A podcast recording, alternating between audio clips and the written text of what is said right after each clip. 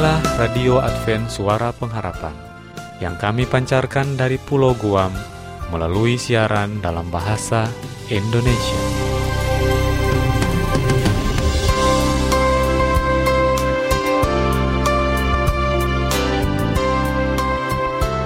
Salam sejahtera kepada saudara pendengar di mana pun Anda berada. Selamat berjumpa kembali dengan kami, Radio Advent Suara Pengharapan.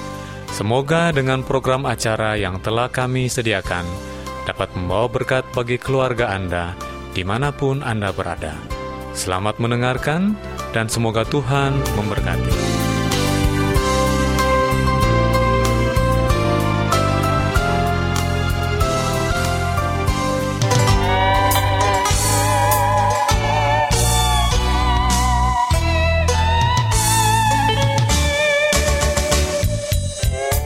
Kabar pendengar setia Radio Advent Suara Pengharapan? Lebih khususnya kami ingin mengucapkan kepada rekan-rekan remaja dan sahabat orang muda di mana pun Anda berada. Ruang Remaja dan Orang Muda kembali kami hadirkan untuk Anda saat ini. Berbagai informasi dan permasalahan seputar remaja dan orang muda akan dikupas dalam acara ini.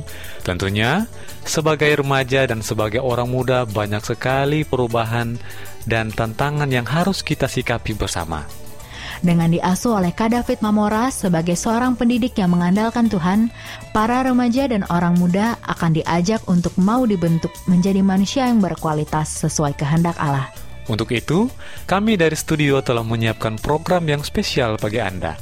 Tetapi sebelumnya, marilah kita mengikuti lagu yang berikut ini. Kami dari studio mengucapkan Selamat mengikuti.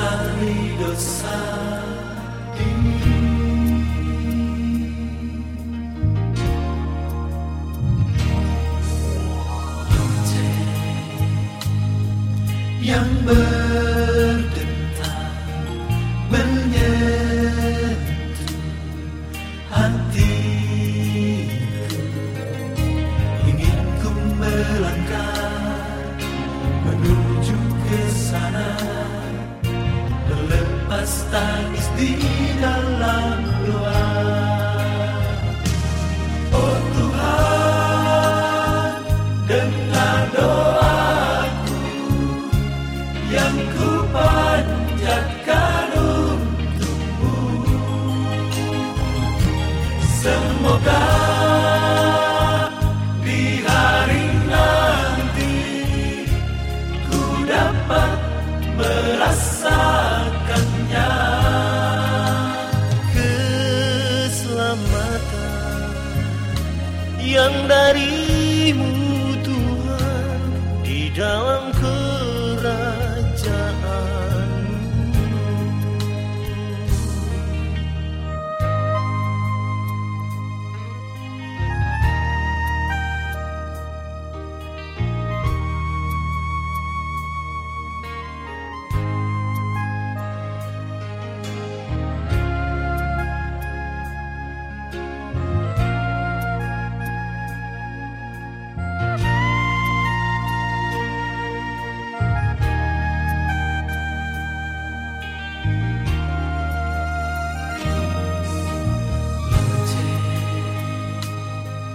样本。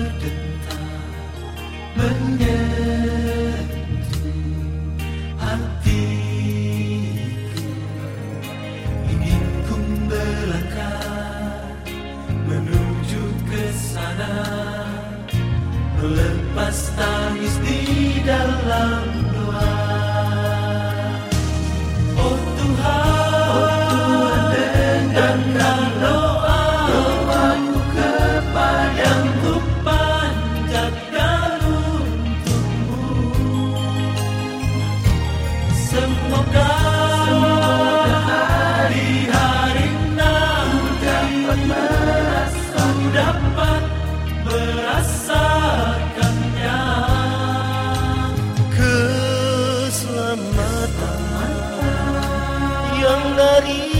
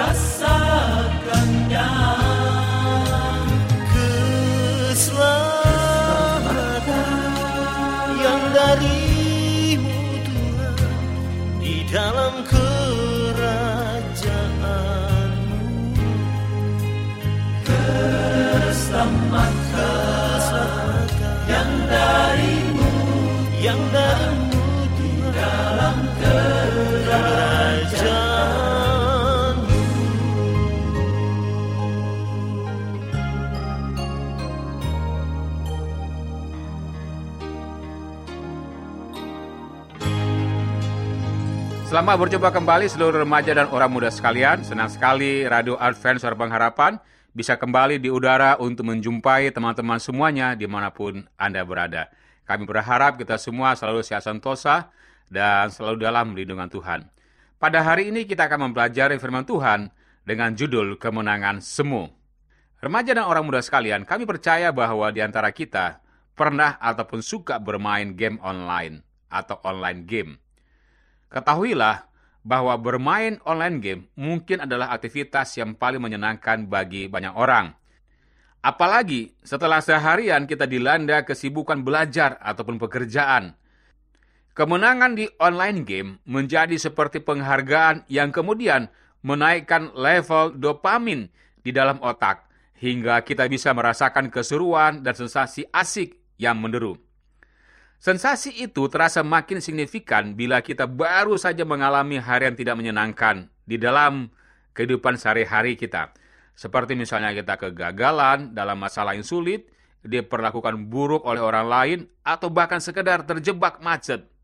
Online game bisa jadi sebuah coping mechanism, strategi andalan untuk menghadapi stres yang terpicu oleh hal-hal buruk tersebut. Bermain online game dapat menjadi adiktif, karena para pemain dapat merasakan kemenangan setelah merasa kalah oleh tekanan di dunia yang nyata ini. Para pemain juga dapat merasa punya kendali atau kuasa karena kontrol permainan berada di tangan mereka. Setelah mungkin merasa merasa tidak berdaya dan tak mampu mengendalikan segala tekanan di dunia nyata. Saat ini, bermain online game menjadi kegiatan yang makin populer Dunia online game terus berkembang di belakang maupun di depan layar. Permainan menjadi makin interaktif dan sedikit lebih nyata lagi. Kini, sudah semakin lumrah jika seorang anak memiliki cita-cita menjadi seorang pemain online game yang profesional, lengkap dengan keranjingannya untuk berlatih dalam kemahiran bermain maupun mengatur keseharian demi prioritas pada online game. Karena memang ini dapat dijadikan bidang karir yang cukup menjanjikan secara penghasilan. Dan pada tahun 2018, Badan Kesehatan Dunia atau WHO memasukkan gaming disorder atau adiksi online game ke dalam daftar resmi klasifikasi penyakit. Menurut berbagai hasil penelitian dan laporan bukti medis, didapati bahwa bermain online game secara berlebihan dalam durasi waktu akan menjauhkan seseorang dari aktivitas harian yang penting, seperti makan, istirahat, olahraga, belajar, bekerja, dan lain sebagainya. Akibatnya, pelakunya menjadi sangat tidak sehat dan sangat tidak produktif, atau dalam istilah masa kini adalah menjadi beban keluarga. Lebih parah lagi, gaming disorder tercatat berpotensi merusak kesehatan mental dan kesadaran sosial seseorang. Di dalam Alkitab, Raja Saul tercatat pernah mengalami hal-hal yang serupa. Dia pernah menikmati kemenangan semu ketika dia sukses membuat Daud hidup dalam pelarian. Daud adalah ancaman terbesar terhadap singgasananya karena Daud kabur dan menghilang. Saul menganggap dia adalah pemenang dari perebutan tahta kerajaan Israel. Saul sudah kalah sebenarnya karena Tuhan sudah menolak dia sebagai raja. Mewakili Tuhan, Samuel berkata kepada Saul, Aku tidak akan kembali bersama-sama dengan engkau, sebab engkau telah menolak firman Tuhan. Sebab itu, Tuhan telah menolak engkau sebagai raja atas Israel. Kemenangan semu mungkin terasa nikmat untuk sesaat, tetapi kenikmatan itu menipu kita. Kita mungkin merasa sanggup dan kuat dan hebat untuk meraih kemenangan itu. Tetapi yang kita raih itu sebenarnya adalah nol besar. Sesungguhnya, kita tak mampu mencapai apa-apa tanpa menyerahkan diri kita di dalam kendali Tuhan, lewat hubungan pribadi kita dengan Tuhan di hadapan Tuhan. Hal ini Yesus tegaskan suatu ketika saat dia mengajar murid-muridnya. Seperti yang tertulis dalam Matius 7 ayat 22 sampai 23. Pada hari terakhir banyak orang akan berseru kepadaku, Tuhan, Tuhan, bukankah kamu bernebuat demi namamu dan mengusir setan demi namamu dan mengadakan banyak mukjizat demi namamu juga? Pada waktu itulah aku akan berterus terang kepada mereka dan berkata, Aku tidak pernah mengenal kamu, enyalah daripadaku. Kamu sekalian pembuat kejahatan. Seperti online game yang dapat menjauhkan kita dari tujuan asli kita di dunia nyata dengan memberikan kepuasan sementara, demikianlah usaha manusiawi kita pun dapat membuat kita terlena dan terseret menjauh dari kesatuan dengan Tuhan sebagai kemenangan sejati kita. Saul merasa menang karena Daud melarikan diri, bahkan merasa hebat karena menganggap Daud ketakutan terhadap dirinya. Kita kadang merasa menang karena berhasil lebih baik, lebih sukses, lebih makmur, lebih rohani, atau lebih dalam banyak hal-hal lainnya. Orang lain berbuat dosa, terlilit utang, tertimpa musibah, atau mengakui kejahatannya, tetapi kita merasa lebih daripada mereka apalagi dengan status Kristen atau bahkan pelayanan Tuhan yang membanggakan. Padahal semua itu bukanlah kemenangan sejati kita. Dengan membangun kedekatan yang erat dengan Tuhan, kita akan mengalami kemenangan sejati dan bersatu dengan Tuhan, seperti yang tertulis dalam 1 Korintus 15 ayat 57. Tetapi syukur kepada Allah yang telah memberikan kepada kita kemenangan oleh Yesus Kristus Tuhan kita. Sekarang, apakah kita percaya dan mau menerima kemenangan sejati itu? Atau jangan-jangan kita lebih suka mengejar kemenangan-kemenangan semu? Semoga pelajaran ini mendekatkan kita lebih dekat lagi kepada Tuhan. Terima kasih.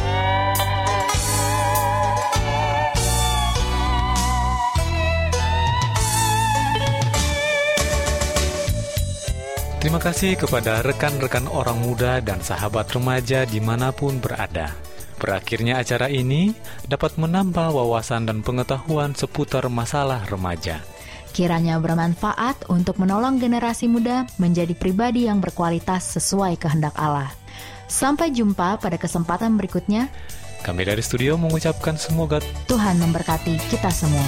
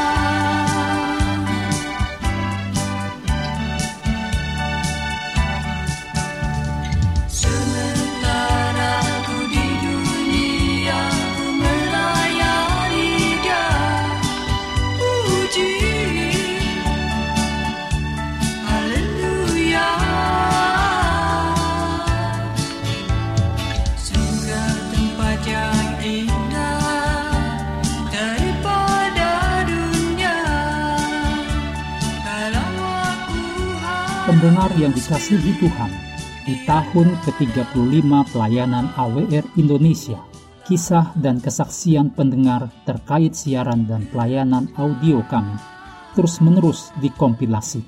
Terima kasih banyak untuk yang sudah menyampaikan dan masih terbuka bagi Anda semua untuk segera SMS atau telepon ke nomor AWR di 0821 1061 1595 atau 0816 1188 302 untuk WhatsApp dan Telegram. Kami tunggu para pendengar dukungan Anda. Selanjutnya, marilah kita mengikuti mimbar suara pengharapan.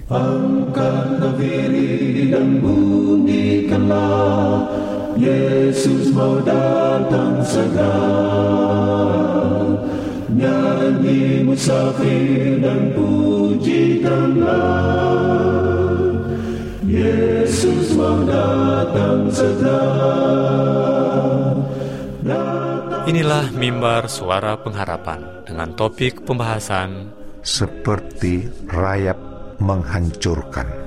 Selamat mendengarkan. Bangsa marah itu tandanya Yesus mau datang segera.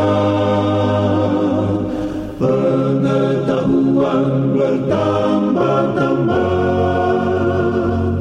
Yesus mau datang segera. Datang segera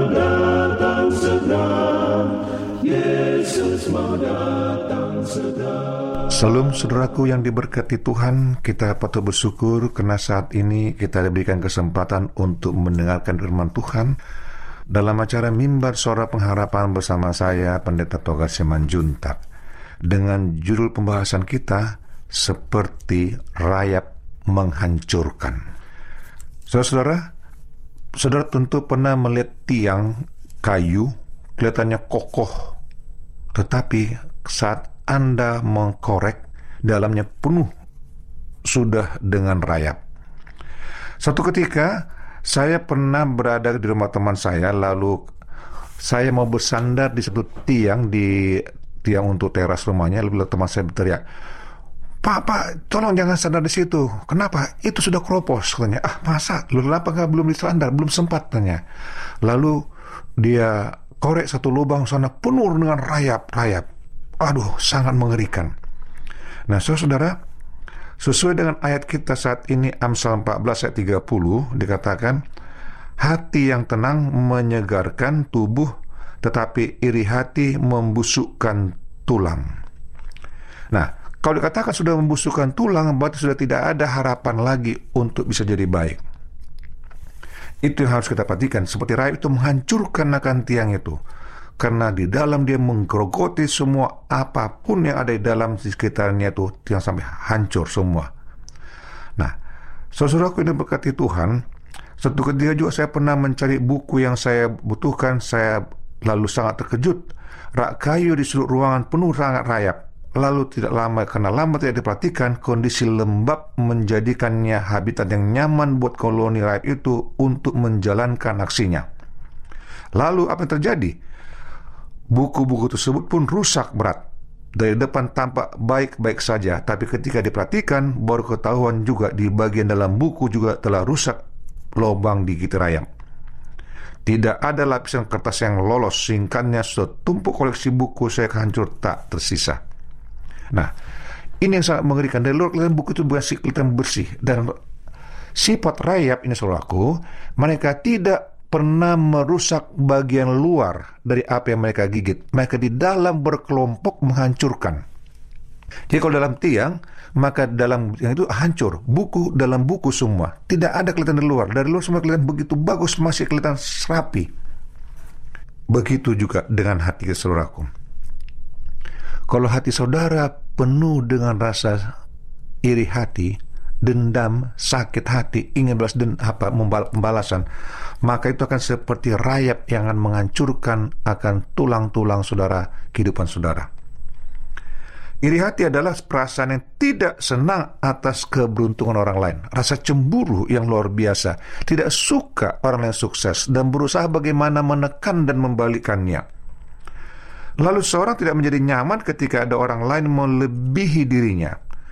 Alkitab mengkategorikan iri hati sebagai perbuatan daging ataupun yang timbul karena keserakahan, perselisihan, dan persaingan yang tidak sehat. Dan itu disahabat disamakan seperti rayap yang menghancurkan akan benda-benda apa di dalamnya. Tiang-tiang rumah, buku, atau apa saja yang bisa dihancurkan. Dan dari luar kelihatan tidak rusak, tapi dalam sudah kropos. Lalu juga iri hati itu juga adalah timbul karena dia merasakan dia mempunyai satu ketipu daya, ya. Dia mau menipu, memfitnah, membuat orang jatuh agar jangan sama seperti dirinya atau melebihi dia. Apalagi kalau melebihi dirinya, dia merasa ini saatnya saya harus jatuhkan dia, akan saya hancurkan dia. Lalu perbuatan dosa ini akan berakibat berujung maut. Dan itu juga membuatkan dia itu menjadi penyakit yang menggerogoti tubuh dan melemahkan jiwa. Rayap yang merusak akan tiang-tiang ataupun benda-benda yang kita itu itu sangat mengerikan sehingga tanpa disadari dari luar kelihatan kokoh tapi ketika di sana atau dia disandari atau dia lihat bisa rubuh dengan tiba-tiba dan itu saudaraku sama seperti tubuh saudara menggerogoti tubuh saudara tulang saudara jiwa saudara nah saudaraku jangan biarkan hirat itu dalam di saudara Alkitab katakan hati yang tenang menyegarkan tubuh tetapi iri hati membusukkan tulang. Mengapa kita merasa iri hati? Mengapa kita cemburu? Mengapa kita mau ingin menang? Karena kita merasa terganggu dengan keberadaan orang lain menjadi pusat perhatian sementara kita mungkin ditiadakan atau dianggap tidak ada atau dianggap pecundang. Lagi saudara, mengapa kita mesti rasa cemburu kalau orang lain punya kesuksesan? Sudah, biarkan aja mereka itu sukses. Kita bekerja dengan baik, lakukan tugas-tugas kita saudaraku, rayap yang merusak dari dalam buku tanpa ketahuan, merusak tiang-tiang dari dalam, merusak kayu dari dalam, sehingga dari luar tidak kelihatan tapi dalam sudah hancur, tidak ada daya. Maka saudaraku, iri hati itu itu membuat saudara seperti rayap dan kelihatan dari luar saudara keras, kuat, sehat, tetapi sebenarnya saudara sudah keropos, tidak ada artinya, tidak ada daya, tidak bisa melakukan apa pun yang saudara bisa harapkan. Iblis akan membuat saudara bisa mengubah kasih itu menjadi kebencian. Mengubah akan kebahagiaan itu menjadi kesusahan. Mengubah hal-hal yang senang menjadi susah menderita. Dan dia membuat buah-buah roh itu yang kasih, sukacita, dan sejahtera itu membuatkan menjadi kehancuran. Membuat jadi iri hati, membuat hal-hal kita egois, membuat kita selalu ingin menang sendiri dan mau orang lain itu takluk di hadapan kita. Sesuatu itu yang membuat orang kenapa tiba-tiba bisa sakit mendadak dan mati. Karena imunisasi itu imun tubuhnya itu sudah tidak ada lagi digrogoti oleh rasa iratinya. Kalau saudara tidak percaya, coba saudara tanamkan di saudara selama satu minggu cemburu iri hati, maka saudara akan rasa lemas dan letih. Buang saudara itu iri hati itu. Dan saat ini saudaraku jika Anda rindu didoakan ataupun ada masalah yang perlu Anda pecahkan, hubungi kami saudaraku tim pelayanan mimbar suara pengharapan. Dengan penuh sukacita kami akan melayani saudaraku dan mendoakannya. Berkat Tuhan minta Anda adalah doa dan harapan kami. Salam saudaraku. Amin.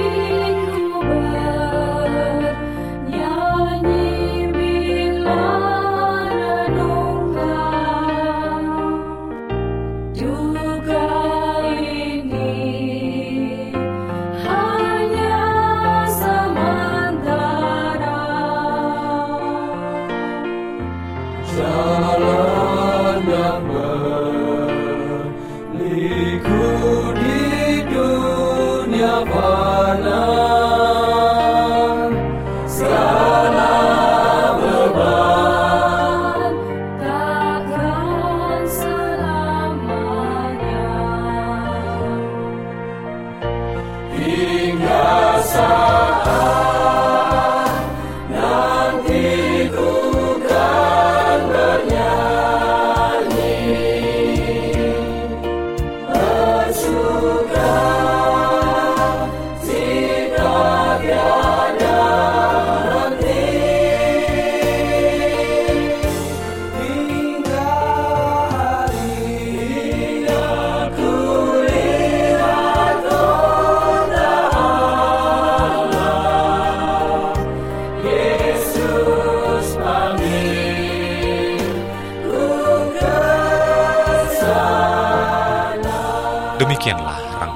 program acara dari kami. Apabila Anda mempunyai pertanyaan atau ingin mendapatkan seri pelajaran Alkitab Suara Nubuatan, Anda boleh menghubungi kami dengan mengirimkan surat ke Radio Advent Suara Pengharapan, PO Box 8090, Jakarta 12810, Indonesia. Telepon 0821 1061 1595. Alamat email awrindonesia@yahoo.co.id. Anda juga dapat bergabung di Facebook kami Pendengar Radio Advent Suara Pengharapan, juga Radio Advent Suara Pengharapan. Terima kasih kami ucapkan bagi Anda semua pendengar kami yang setia. Kita akan berjumpa kembali pada waktu dan gelombang yang sama esok hari. Salam kasih dan sejahtera. Tuhan.